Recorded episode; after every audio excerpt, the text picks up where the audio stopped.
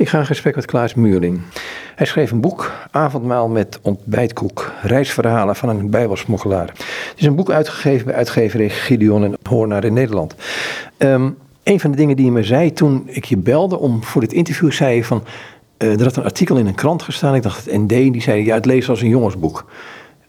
Nou heb ik het ook gelezen en ik vind het veel moeilijker om te lezen. Ik zou je zeggen waarom. Um, omdat bij elk hoofdstuk zit er zoveel in, aan... Um, informatie, niet alleen, maar ook aan geloofswaarheden. Maar ook, het lijkt me een boek waar je zegt van hé, hey, ik pak een land en dan ga ik daarvoor bidden. Ik ga aan de hand van zo'n hoofdstuk bidden. Nou is het moeilijker voor de, de oudere hoofdstukken, maar er zit recent materiaal vanuit Iran, ook vanuit uh, Irak en, en, en uh, de Hoorn van Afrika. Dan denk ik, jongens, en dat lees ik het hele boek ook door. Gebed is toch wel een, een, ja, een must, een motor eigenlijk. Dat geloven we bij Open Doors ook zeer zeker daarom ook elke dag als we beginnen, eh, dat we de dag openen met bijbellezing en gebed. Ook voor dit gesprek hebben we samen gebeden. Zelfs bij sollicitatiegesprekken vragen we een zegen van, van de Heer. Als mensen op reis gaan. Uh, en waarom? Omdat we weten van in eigen kracht kunnen we wel dingen doen. Maar als we het in de kracht van God doen, in de naam van de Heer Jezus doen, dan komt zijn zegen daar ook bij kijken. En dan eh, gaan dingen gewoon heel anders lopen. Gebed is heel erg belangrijk. En ik hoop ook dat, dat lezers van, van dit boek, van Avondmaal met ontbijtkoek, uh, ook de vervolgde kerk in hun hart sluiten en ook biddend aan ze denken. Aan christenen die niet een Bijbel hebben, christenen die achter de tralies belanden of uh, die, die zelfs het leven laten christenen die een, een prijs betalen, een hoge prijs betalen, maar die tegelijkertijd ook zeggen: ja, de Heer Jezus zegt dat we vervolgd zullen worden. Hij is vervolgd geworden en uh, zijn discipelen ook.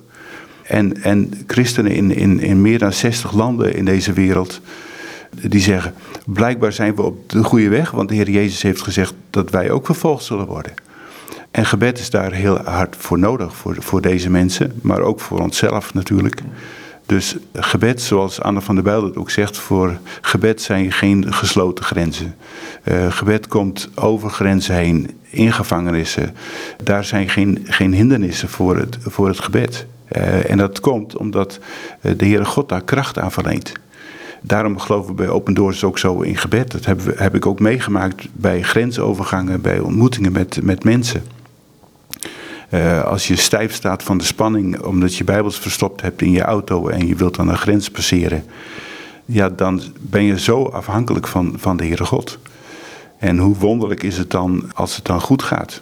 En zelfs als het een keer niet goed gaat, hoe belangrijk het gebed ook dan is. En natuurlijk ook gewoon in het dagelijkse leven. Want uh, gebed kunnen we voor grote dingen doen, maar ook voor hele kleine dingen. Ik dacht in het boekje ook ergens iemand zei of de, de, de bewering gestaafd werd, maar ik weet het niet zeker, maar ik dacht dat dat gebed wel belangrijk is. Maar dat het eigenlijk meer om de God die het gebed verhoort gaat.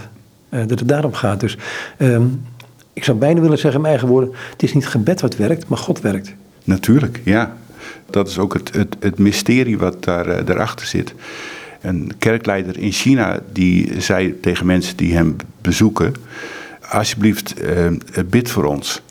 Maar zijn motivatie erachter was, als mensen gaan bidden, dan is de eerste zegen voor henzelf, want ze, ze, ze komen in Gods nabijheid. Hij zegt, en natuurlijk, als ze dan gaan bidden, dan komen ze ook in beweging, in actie om ons te ondersteunen. En dan ten derde hebben wij daar natuurlijk eh, baat bij dat we gezegend worden door de ondersteuning van gebed. Maar hij zegt het allerbelangrijkste, het eerste is dat een bidder komt zelf in de nabijheid van God. En hoe kort of hoe lang dat ook is, eh, met eenvoudige woorden of misschien wat langere zinnen. Gebed is voor, voor iedereen toegankelijk nu, op dit moment. Toch heb je vaak, maar ga er maar even op door. Als ik, als ik de, verkeerde kant ga, moet je maar zeggen. Um, met gebed vaak het idee, je zegt dingen, eh, je vraagt iemand, aan God iemand te zegenen. En het, en het volgende moment ben je afgeleid door wat van gedachten ook. Ja, en eh, niks menselijk is ons vreemd natuurlijk. Ja. Want inderdaad, uh, als je stil wordt, dan uh, gaat je brein ook allerlei uh, gedachten produceren. Maar toch, ik moedig mezelf ten eerste aan, maar ook de luisteraar. eh, inderdaad, eh, je, je gebed is eh, heel belangrijk. En, en ja, Jacobus, eh, het boek Jacobus zegt niks voor niks. Van het, het gebed van een rechtvaardige vermag veel, doordat er kracht aan verleend wordt.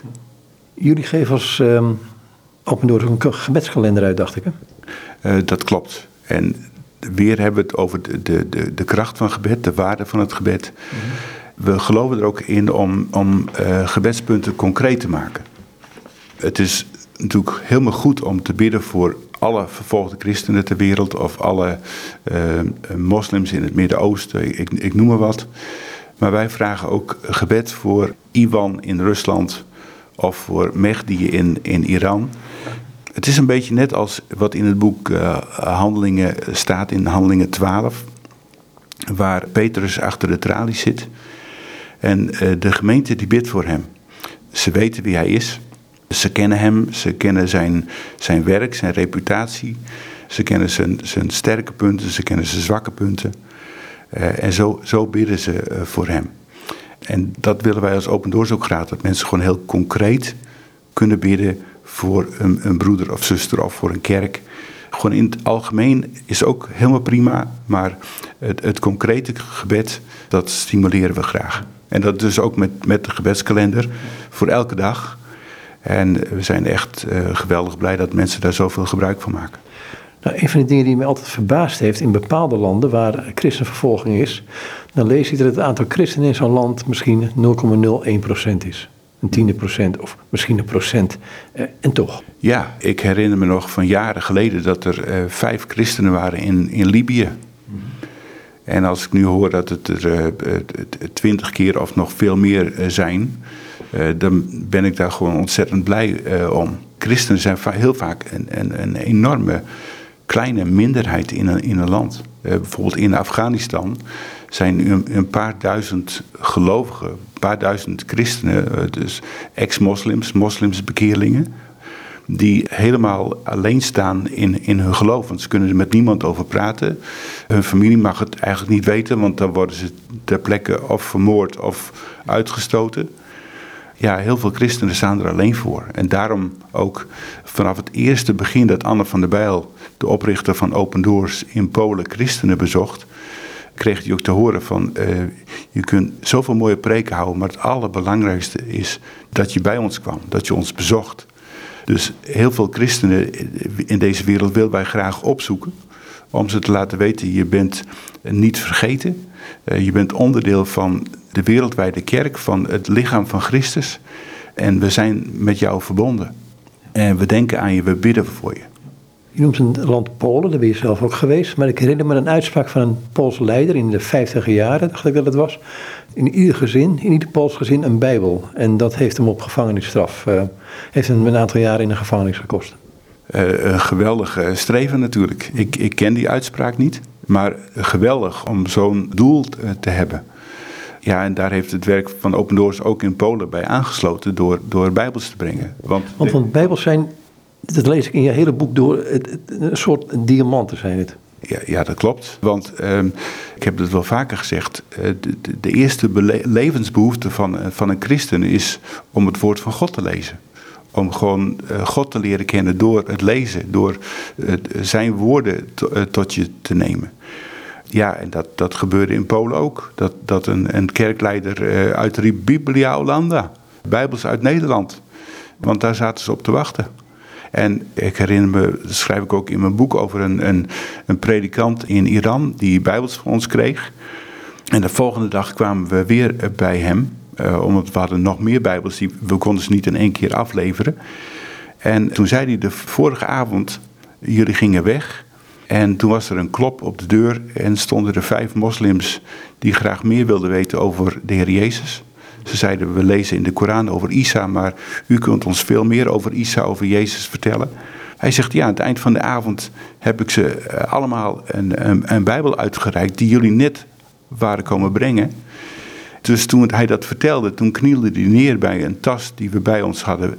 En daar pakte hij een Bijbel uit en die, die hield hij vast in zijn handen als, alsof het een klomp goud was. Alsof het een diamant was. En zoals een diamant zich ook kenmerkt door zoveel eh, lichtsinval en, en verschillende kleuren en, en rijkdom, zo is de Bijbel dat, nog veel meer. Nou zit er in wat je nu vertelt een, een, een risico. He, de, de kloppen, kloppen de deur, vijf moslims.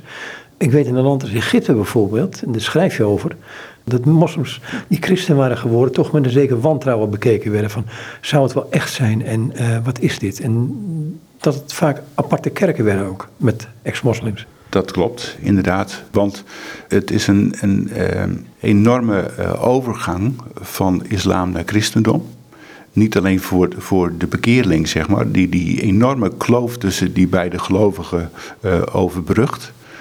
Maar voor uh, kerken in die, die wereld is dat, het verschilt ook per land natuurlijk enorm. Bijvoorbeeld in Iran deden christenen niets liever dan gewoon ook, ook moslimbekeerling opvangen. Maar in een land als Egypte was dat best wel eens uh, lastig. En dat een, een, predikant tegen mij zei. Um, ja, als een, een moslimbekeerling de kerk binnenkomt, dan uh, krijgt hij allemaal vragen. En pas na verloop van tijd is er de, de acceptatie. Dit is echt iemand die ook de Heer Jezus wil volgen. Maar misschien is die uit op financiën, misschien is die uit op uh, om met een van onze vrouwen te trouwen. Kunnen allerlei motieven een rol spelen. En pas achteraan die checklist staat. Wie weet is deze man of vrouw echt op zoek naar de Heer Jezus. Dus het is inderdaad, het komt veel voor in het Midden-Oosten dat mensen, zulke moslimbekeerlingen, zelf een kerk starten. Want ze hebben hun eigen behoefte en, en uh, ja, ook de, de noodzaak om samen te komen met hun eigen verhaal. En vervolging is daar nog steeds in het Midden-Oosten? Ja, vervolging is vandaag de dag in meer dan 75 landen. We brengen jaarlijks een ranglijst christenvervolging uit waar we de top 50 van deze landen publiceren. Uh, maar in, in, in zo'n 75 landen vandaag de dag is er vervolging van christenen. En dat is niet alleen in het Midden-Oosten, maar ook in Latijns-Amerika, in Afrika, in Azië en dus in het Midden-Oosten. Midden-Amerika verbaast mij. Uh, Mexico vooral, daar schrijf je over. En dat, dat ligt er niet om wat je daarover schrijft. Ik snap die verbazing. Uh, want bij Mexico denken mensen, ja, dat is toch een katholiek land. hoezo? Bij Mexico denken mensen ook, ja, daar gaan mensen massaal op vakantie. Om daar uh, aan het strand te genieten van het, het heerlijke klimaat. Maar uh, vooral in het zuiden van Mexico en tegenwoordig in, in toenemend aantal staten in Mexico. worden mensen die vroeger animistisch waren. die het oude Maya-geloof aanhingen. Een, een vermenging van allerlei religies. En heel veel van deze mensen ontdekken doordat uh, evangelisten langskomen of in contact zijn met christenen, hoe, bijzonder het is dat er een God is die van hen houdt. Uh, dat er een, God is die zijn zoon, de Heer Jezus, heeft gegeven. En dat er verlossing van zonde mogelijk is, dat er eeuwig leven is en dat er een God is die van je houdt. En wat een contrast met hun animisme, waar ze allerlei offers, eh, een kip offeren of, of eieren of, of sterke drank moeten drinken. In de hoop dat er een God is die naar hen luistert. En ik heb zulke tafereelen gezien in Mexico. En moest ik zo denken aan, aan Psalm 115, waar staat van: Ze hebben een God, maar die hoort ze niet. En dat heeft me toen echt diep geraakt. En deze mensen, eh, die ontdekken dus de, de geweldige boodschap van het evangelie. En besluiten die overstap te maken van het animisme naar het christendom. Maar dat wordt hun door hun dorpsgenoten uh, niet in dank afgenomen. Sterker nog, soms worden hun huizen in brand gestoken. Uh, ze worden verjaagd uit hun dorpen. En moeten ze vluchten met alleen de kleren aan hun lijf. Dat gebeurt dus ook in Mexico. Dat is iets wat toeristen uh, niet zien. Maar wat een, een, een, keiharde werkelijkheid is voor broeders en zusters van ons in Mexico. Hoe overleven zij? Ja, hoe overleven zij? dat is door zich weer vast te houden aan, aan Gods woord. En door samen eh, te bidden, samen te zingen. Vaak in hele schamele kerkjes.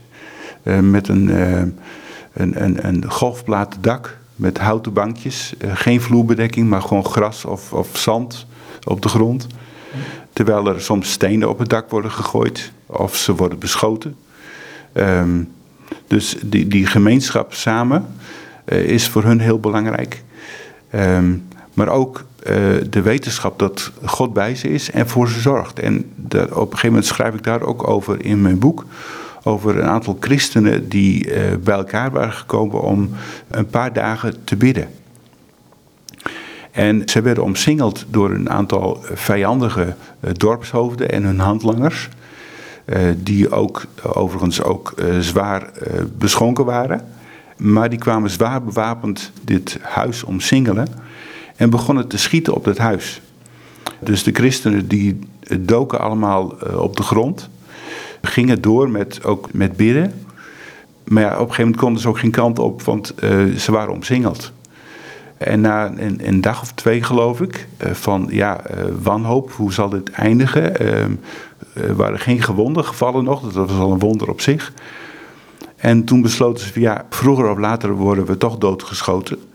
Dus laten we maar naar buiten gaan en dan gaan we roepen in de naam van de Heer Jezus.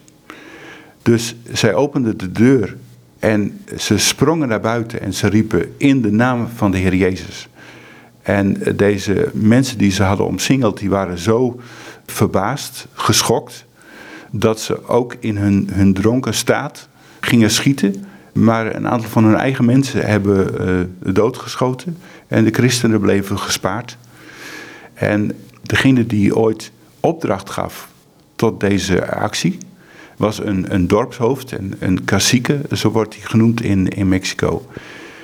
En die hebben wij tijdens een reis uh, zo'n twintig jaar geleden gesproken. Deze man was ook tot geloof gekomen.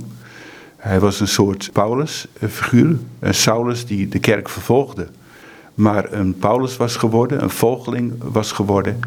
En hij werd nu zelf beschoten. Hij kon niet op zijn land werken, want dan werd er weer op hem geschoten. En dat gebeurt in Mexico vandaag de dag. Dus ook het verhaal, en dat vond ik ook nog apart, want dit is de aanvallen die vanuit de dorpsgemeenschap zelf komen, ook dat mensen uh, valselijk beschuldigd werden.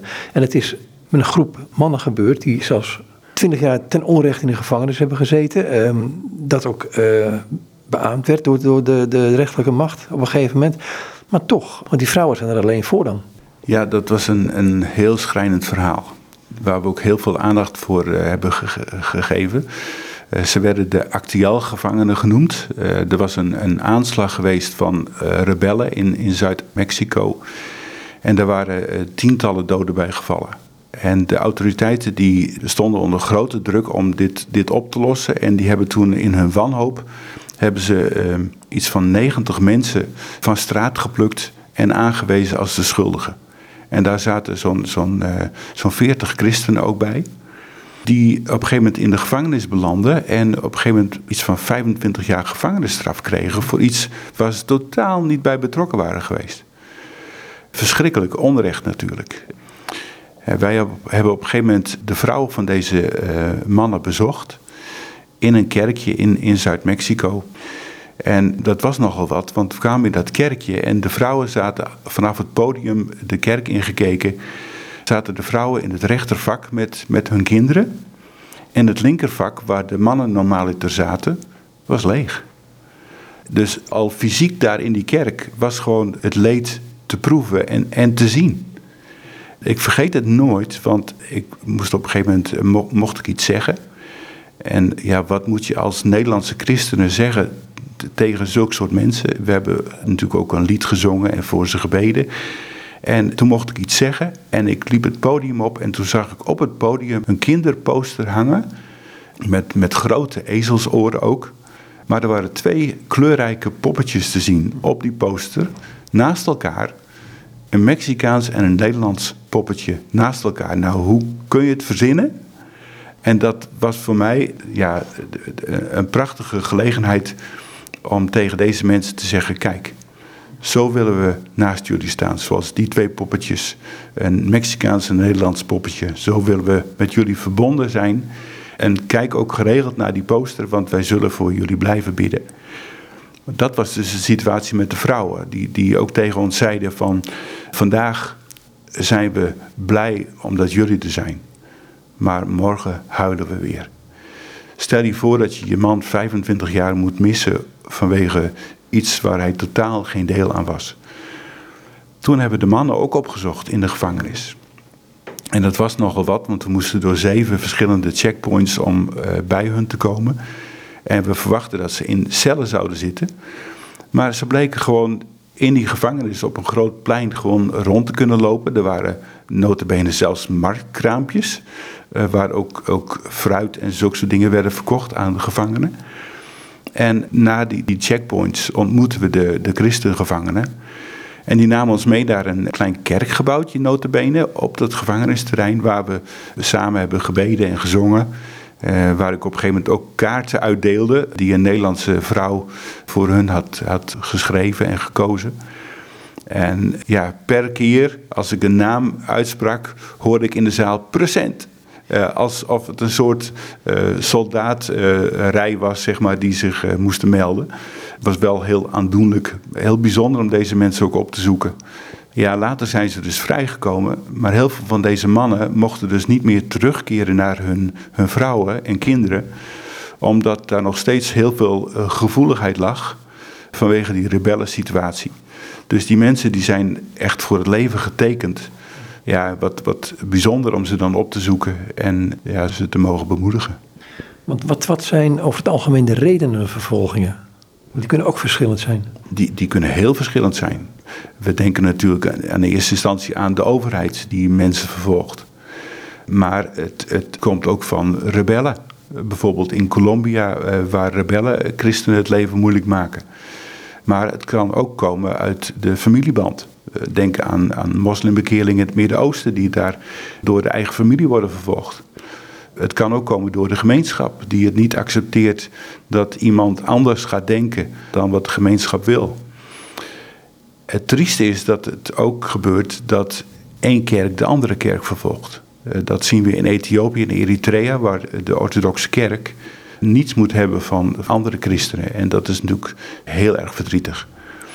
Dus zo kan vervolging uit verschillende uh, hoeken komen. En is het natuurlijk heel bijzonder dat we iets voor deze mensen kunnen betekenen.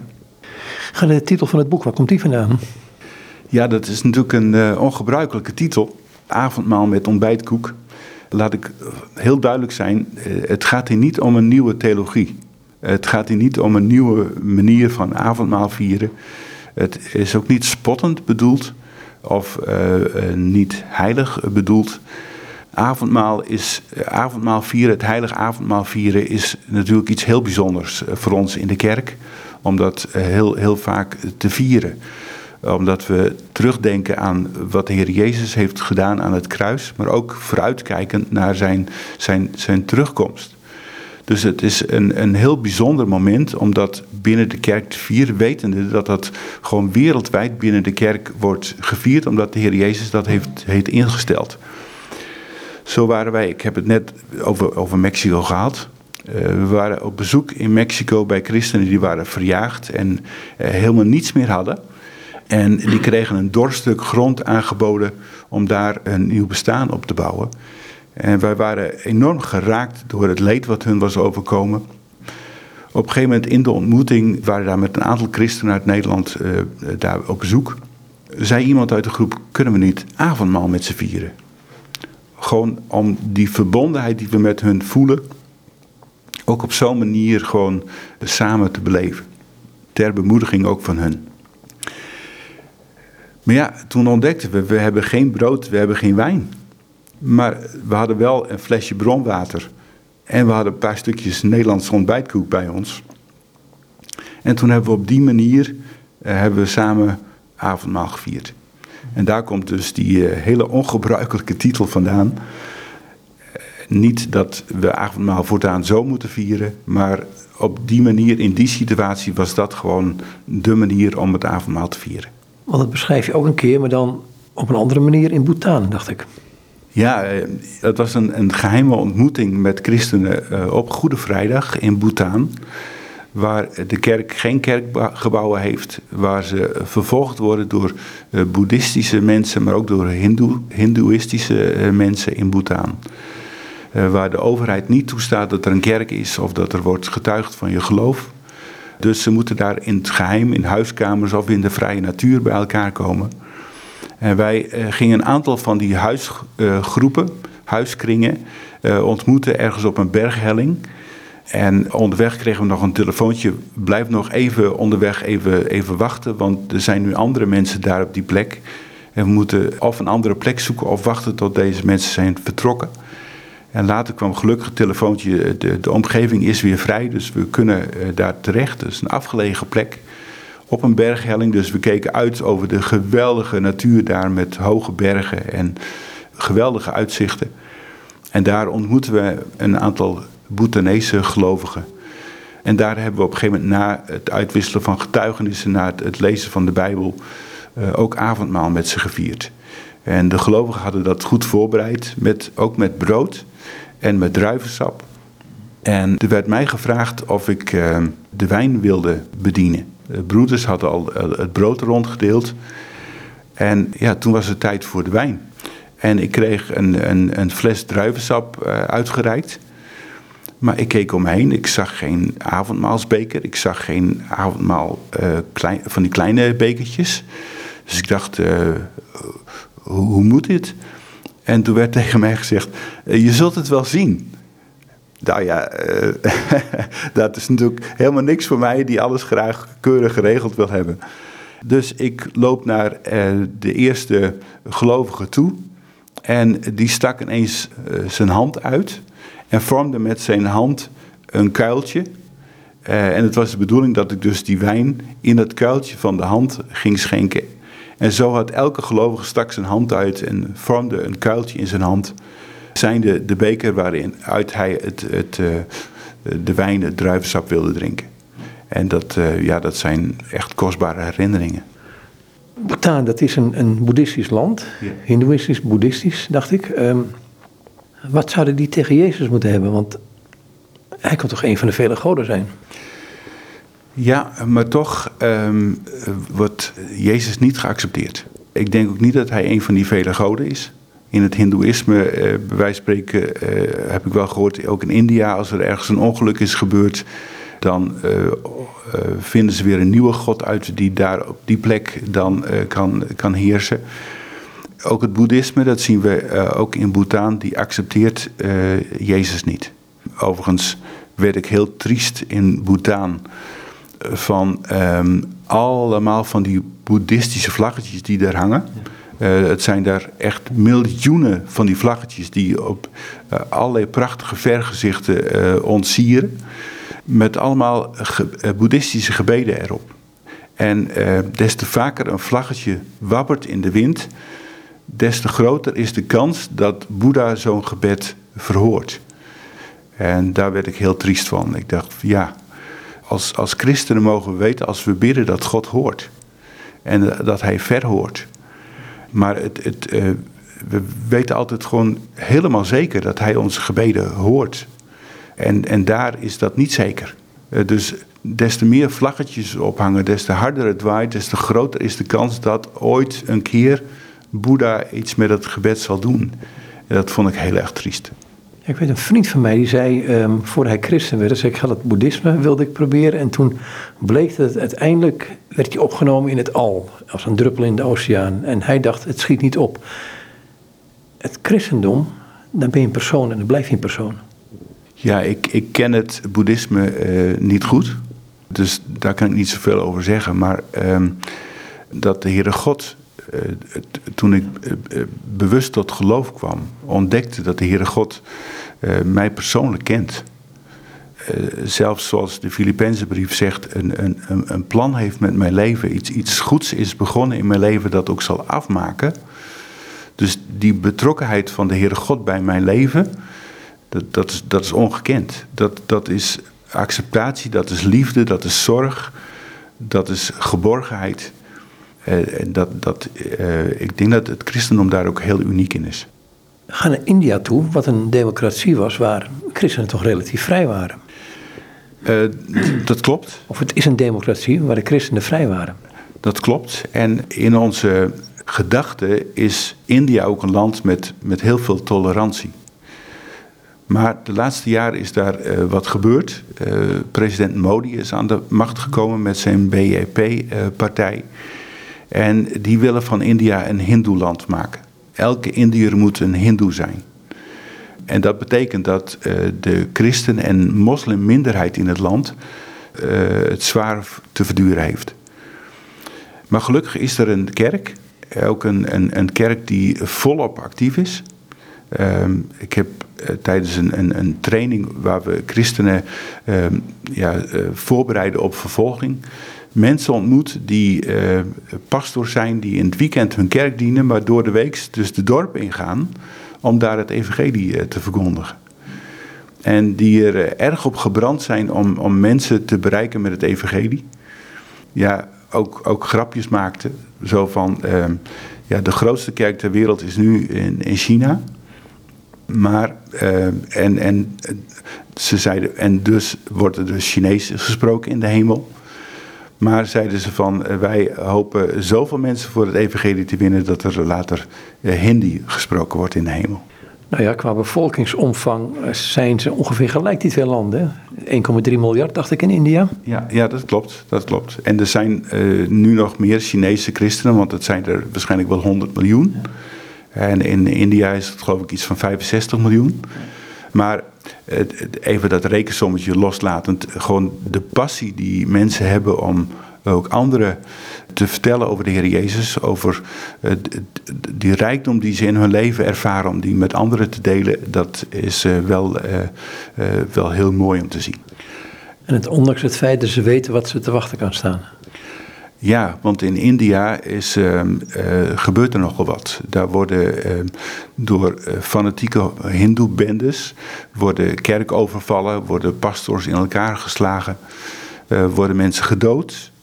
En wat ook voor heel veel voorkomt, in de meeste gevallen, als dan een pastor naar het politiebureau gaat om aangifte te doen, dan wordt hij gearresteerd, want hij wordt als de dader gezien in plaats van het slachtoffer. En dat komt omdat de politie ook op, op de hand is van deze fanatieke bendes.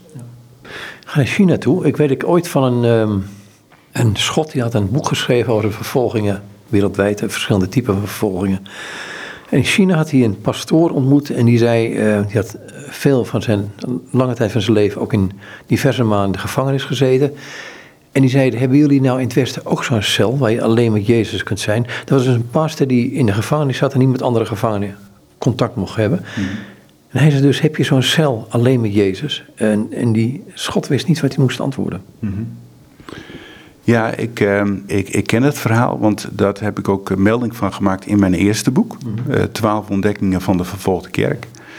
Uh, een pastor die inderdaad zegt, we moeten een, een, een stille plek hebben. Je moet je eigen cel bouwen. Dat hoeft niet uh, fysiek, maar een, een stille plek, een stoel ergens in een kamer of waar je gewoon stil kunt zijn en je kunt verwonderen over wie de Heere God is. Door bijvoorbeeld ook uh, dingen voor jezelf op te schrijven over het geloof, door, door stil te zijn. Um, en dat inderdaad, dat, dat uh, is een mysterie voor ons, want ik kijk naar mezelf, hoe druk ben ik met mijn mobiel, met televisie kijken, met op het internet dingen te bekijken, een krant te lezen maar inderdaad heb ik nog die momenten van stilte. En ik heb daar zelf ook, ook behoefte aan. Ook om bijvoorbeeld na te denken hoe is een dag voor mij geweest. Uh, dus ik probeer ook gewoon s'avonds uh, daar tijd voor te reserveren. Uh, maar andere, misschien luisteraars, die hebben dat liever s'morgens of als ze de hond uitlaten of wat voor moment ook. Maar om even stil te zijn met God is een kostbaar iets wat uh, ja, je, je leven uh, een, een, nieuwe invulling geeft. Want in China, um, ja, zijn op dit moment dacht ik 100 miljoen gelovigen. Er zijn er nogal wat. En dat was een aantal jaren geleden niet. had je daar nog geen zicht op? Nee, dat klopt. klopt. We gaan overigens wel de hele wereld over. Hè? Even, zo, even... Ja, maar dat doe jij in je boek ook. Hey, uh, even, even, even rustig nu. ja, natuurlijk. natuurlijk. Uh, dus ik hoop voor de luisteraars ook dat ze, dat ze het boek gaan kopen. En ook uh, nog meer zien over wat er wereldwijd speelt. Maar ehm, dat er nu zo'n 100 miljoen christenen zijn in China is best heel bijzonder. Eh, het wordt ook wel de grootste opwekking aller tijden genoemd. 1949, eh, toen Mao Zedong aan de macht kwam, waren er 1 miljoen christenen. En nu zijn het er honderdvoudig meer. dus ook als ik lees in de Bijbel over honderd fout, dan moet ik ook denken aan de kerk in China. Want die zijn tegen de verdrukking in, is de kerk gegroeid.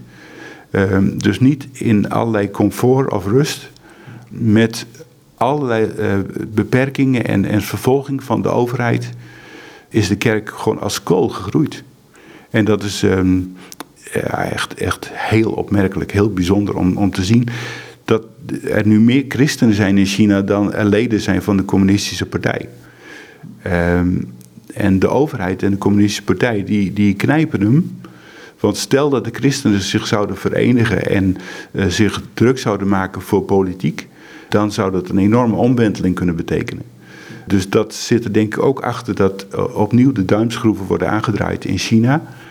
En dat Xi Jinping uh, en de, de overheid uh, de kerk wil uh, significeren, zoals het wordt genoemd. Dus ze willen dat de kerk dus de leer van de communistische partij gaat overnemen. Ehm, de, ze zijn zelfs al bezig, niet de christenen, maar de communistische partij, om, om de Bijbel te herschrijven. Om foto's van Xi Jinping in elke kerk, ehm, dus oude tijden herleven van vroeger dat eh, preken weer gaan gecensureerd worden. Dus het, het, het is een terugkeer naar, naar vroeger wat er in China gebeurt. Hey, je zegt um, onder andere elke, ik ga van China naar jou toe weer. Um, het is belangrijk dat je een plek hebt waar je alleen met Jezus kunt zijn. Um, nou staat er een prachtig verhaal in. Ik dacht dat het van Kuba kwam. Uh, over een palm. Een palm geplant aan het water. Dat is een van de psalmen. Mm. Maar daar heb je eigenlijk een kleine studie van gemaakt. Dat, dat klopt, want op Cuba zagen we natuurlijk allemaal uh, palmbomen over het hele eiland. En uh, ik herinner me dat er ook iets over wordt geschreven in de Bijbel. Dat rechtvaardig zal zijn als een, als een palmboom. En um, ik weet even niet meer hoe die tekst verder gaat. Maar, Aan het water geplant. Ja, ook dat. Maar um, en ik, ik eh, sprak daar ook over met mensen daar en uh, wat in verdiept. En toen hoorde ik daar uh, in Cuba uh, wat ze doen met van die hele kleine palmboompjes. Die net zeg maar boven de grond zijn gekomen. Wat ze dan doen, ze leggen dan een steen op de kleine kruin van die palmboom. Zodat die eigenlijk tegen de verdrukking in moet groeien. Uh, met als gevolg dat hij zijn wortels dieper uitslaat en sterker wordt als boom. En dan ook stormen kan weerstaan of de elementen kan weerstaan, omdat zijn wortels diep geslagen zijn. En dat vond ik een hele uh, interessante gedachte. En, en wat ook een verklaring kan zijn waarom vervolgde christenen toch kunnen volhouden en doorzetten eh, terwijl eh, de omstandigheden heel zwaar kunnen zijn. Omdat ze zijn als, als van die palmbomen die tegen de verdrukking ingroeien en hun wortels diep slaan eh, in hun geloof, in hun relatie met God. Gaan we terug van Cuba naar Iran, kan ook niet anders. deze tijd um, nogal het nieuws wegen de, ja, toch de opstanden van de jeugd voornamelijk. Um, hoe staat het daar met christenen? Want er zijn een aantal pastoors vermoord in de tijd. Mm -hmm. je bent er geweest een aantal keren. Hoe staat het daar met, met uh, de positie van de kerk? Nou, het is natuurlijk uh, deze dagen heel erg onrustig in Iran. Eigenlijk heel. Ehm, dat is nogal wat dat mensen daar de straat op durven te gaan. Want ze, ze weten dat de, de, de overheid en de politie daar streng tegen optreedt. Maar op een gegeven moment is de maat vol. Uh, en dat is denk ik nu in, in Iran uh, ook het geval.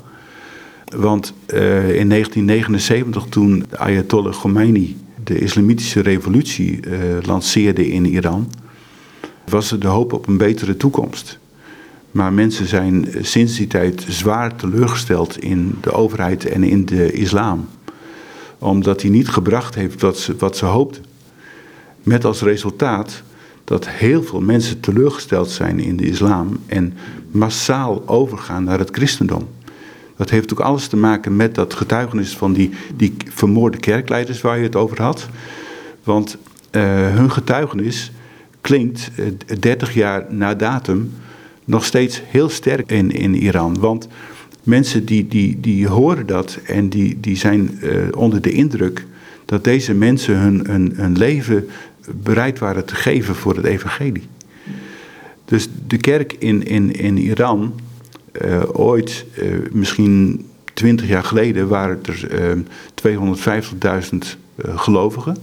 Waarvan een, een, een helft traditionele gelovigen in Armeense en Assyrische gemeenschappen en de andere helft eh, bekeerlingen uit de islam. Maar vandaag de dag is de kerk eh, wel uh, misschien meer dan 1 miljoen gelovigen. Met voor, voor 90% allemaal bekeerlingen uit de islam. En dat heeft alles te maken met die teleurstelling in de islam. De, de, de kracht van de getuigenissen van, van, van martelaren. Met ehm, het evangelie wat via satelliet-tv wordt verkondigd. En ook, en dat is ook zoiets bijzonders in Iran, door dromen en visioenen. Want uh, heel veel moslims die krijgen een droom over de Heer Jezus. En worden dan, als ze later wakker worden, nieuwsgierig van uh, waar heb ik nou over gedroomd. Dus dat, dat is ook een heel opmerkelijk fenomeen in, in Iran. En ja, in Iran hebben we dus ook weer hele bijzondere christenen ontmoet. Samen met ze gehuild, samen met ze gezongen. Met een blinde familie hebben we een prachtig lied samen gezongen. Um, Verblinde blinde familie? Ja, het, er is een, een, ehm, een, een, familie waarvan de man en de vrouw blind zijn geworden. Hun kinderen zijn wel uh, ziende. Maar deze man en vrouw die zijn nog zo volop actief in het geloof en zo vol van de liefde van de Heer Jezus. Op een gegeven moment zei hij van, ik was blind, maar mijn ogen werden geopend voor de Heer Jezus. Um, en daar sprak hij met zoveel liefde over, over zijn relatie met, met de Heer Jezus. En eigenlijk in al die landen waar we het nu ook over hebben, gewoon dappere gelovigen ontmoet, die zulke bemoedigende en hoopvolle dingen zeggen. Um, zelfs met humor in het leven staan. Terwijl er toch moeilijke dingen op hen afkomen.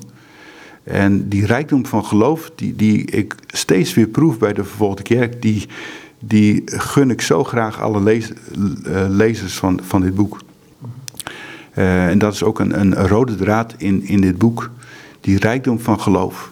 Wij kunnen deze mensen helpen met ons gebed, met, met ze op te zoeken, met ze te ondersteunen. Maar zij delen van hun rijkdom van geloof met ons. En dat is ook te vinden in het boek. Uh, en zo is er ook gelijkheid binnen de kerk, vind ik wij eh, vanuit onze rijkdom delen met hun, maar zij delen vanuit hun rijkdom van geloof met ons. Ik heb ooit een keer, maar dan ga ik terug naar de 70 jaren. Ik was in Wales op een college en daar werd gebeden voor onder andere Rusland, het gelovigen in Rusland. En toen zei een Finse jongen die er was, hij zegt, maar ik heb het idee dat die mensen daar beter voor ons kunnen bidden hier in het Westen. Mm -hmm. En dat is wat wij dus ook steeds weer horen van vervolgd christenen. Want ze zeggen, uh, vervolging is hier heel duidelijk. Het is heel zwart-wit. Het is heel um, uh, krachtig en gewelddadig. En we weten precies waar het vandaan komt. Maar ze zeggen, wij bidden voor jullie, want jullie zien de vervolging in jullie land niet. Uh, het materialisme, het, het comfort. Jullie hebben zoveel dat uh, God op de tweede plaats komt, of de derde plaats komt, of dat jullie God vergeten. Omdat er zoveel andere dingen zijn. Wij hebben bijna niks, wij hebben alleen maar uh, de Heere God om ons aan vast te houden. En vandaar dat die Chinese kerkleider op een gegeven moment ook over die stilte begon. Om je af te zonderen, even terug te trekken. En even te bedenken, wat is nou werkelijk het belangrijkste in, in mijn leven? Ja, dat is een wezenlijke vraag. Ja, en dat is eh, heel belangrijk om, om steeds weer over na te denken. Wat ik als een rode draad door het boek ook vind, um, is het woordje dankbaarheid. Uh, ja, dat, dat uh, is ook iets wat ik uh, zelf heel erg ervaar. Ik, ik, ben enorm dankbaar dat ik nu al deze jaren bij Open Doors heb mogen werken. Ik ben heel dankbaar dat, dat ik dit boek mocht schrijven.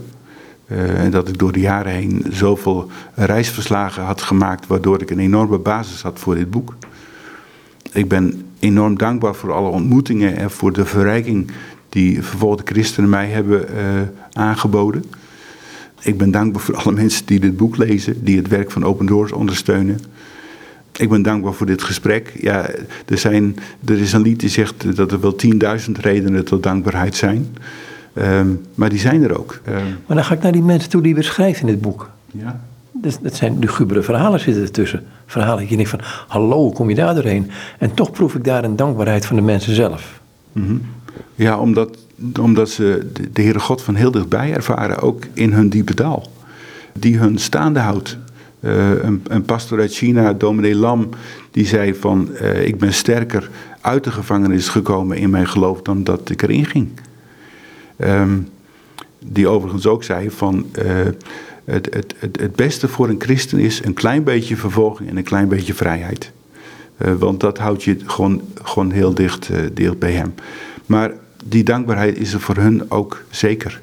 En dat is ook iets, denk ik, wat we uh, samen ook elke dag weer ook, ook gewoon actief mogen beleven om, om, om dankbaar te zijn. Wat hoop je met dit boek te bereiken? Ja, een beetje grote vraag dit natuurlijk. Want het, ik bedoel, we hebben het over een heleboel dingen gehad, maar, um, maar goed. Nou ja, we hebben dat eigenlijk ook al iets al besproken. Um, maar vooral dat, dat de lezers een, een plekje in hun hart inruimen voor de vervolgde kerk. um, en ik hoop dat de hoopvolle en bemoedigende verhalen. Um, natuurlijk wordt er over vervolging en over lijden gesproken. Maar um, wat mij steeds weer treft, ook, ook in dit boek, is uh, hoe vervolgde christenen uh, zoveel mooie dingen ook weten te zeggen. Uh, een, een, een, kort voorbeeld van een, een broeder uit, uit Rusland. We gingen hem vragen: joh, ben je nog Bijbels ontvangen in de toekomst? We weten dat je in een werkkamp hebt gezeten en dat je ooit Bijbels uit een ander land hebt gekregen. ja, zegt hij, ik ken de gevaren. Maar hij zegt: er komen zoveel mensen naar mij toe om, om, om Bijbels te vragen. Ik kreeg Bijbels uit Zweden en de KGB, de geheime dienst, heeft mij bevolen dat ik niet meer Bijbels mag ontvangen uit Zweden. En met een grote glimlach op zijn gezicht zegt hij: Maar nu krijg ik ze uit Nederland en dat hebben ze me niet verboden. Ehm, de, de moed van een man als deze om opnieuw gevangenschap te riskeren en dan nog met zoveel humor. Ja, dat was. Ehm, dat, ja, zo, zo rijk om dat mee te maken. Overigens, nog goed om te melden. Uh, wij brengen alleen maar bijbels en, en, en lectuur naar mensen als ze er ook echt bewust om vragen.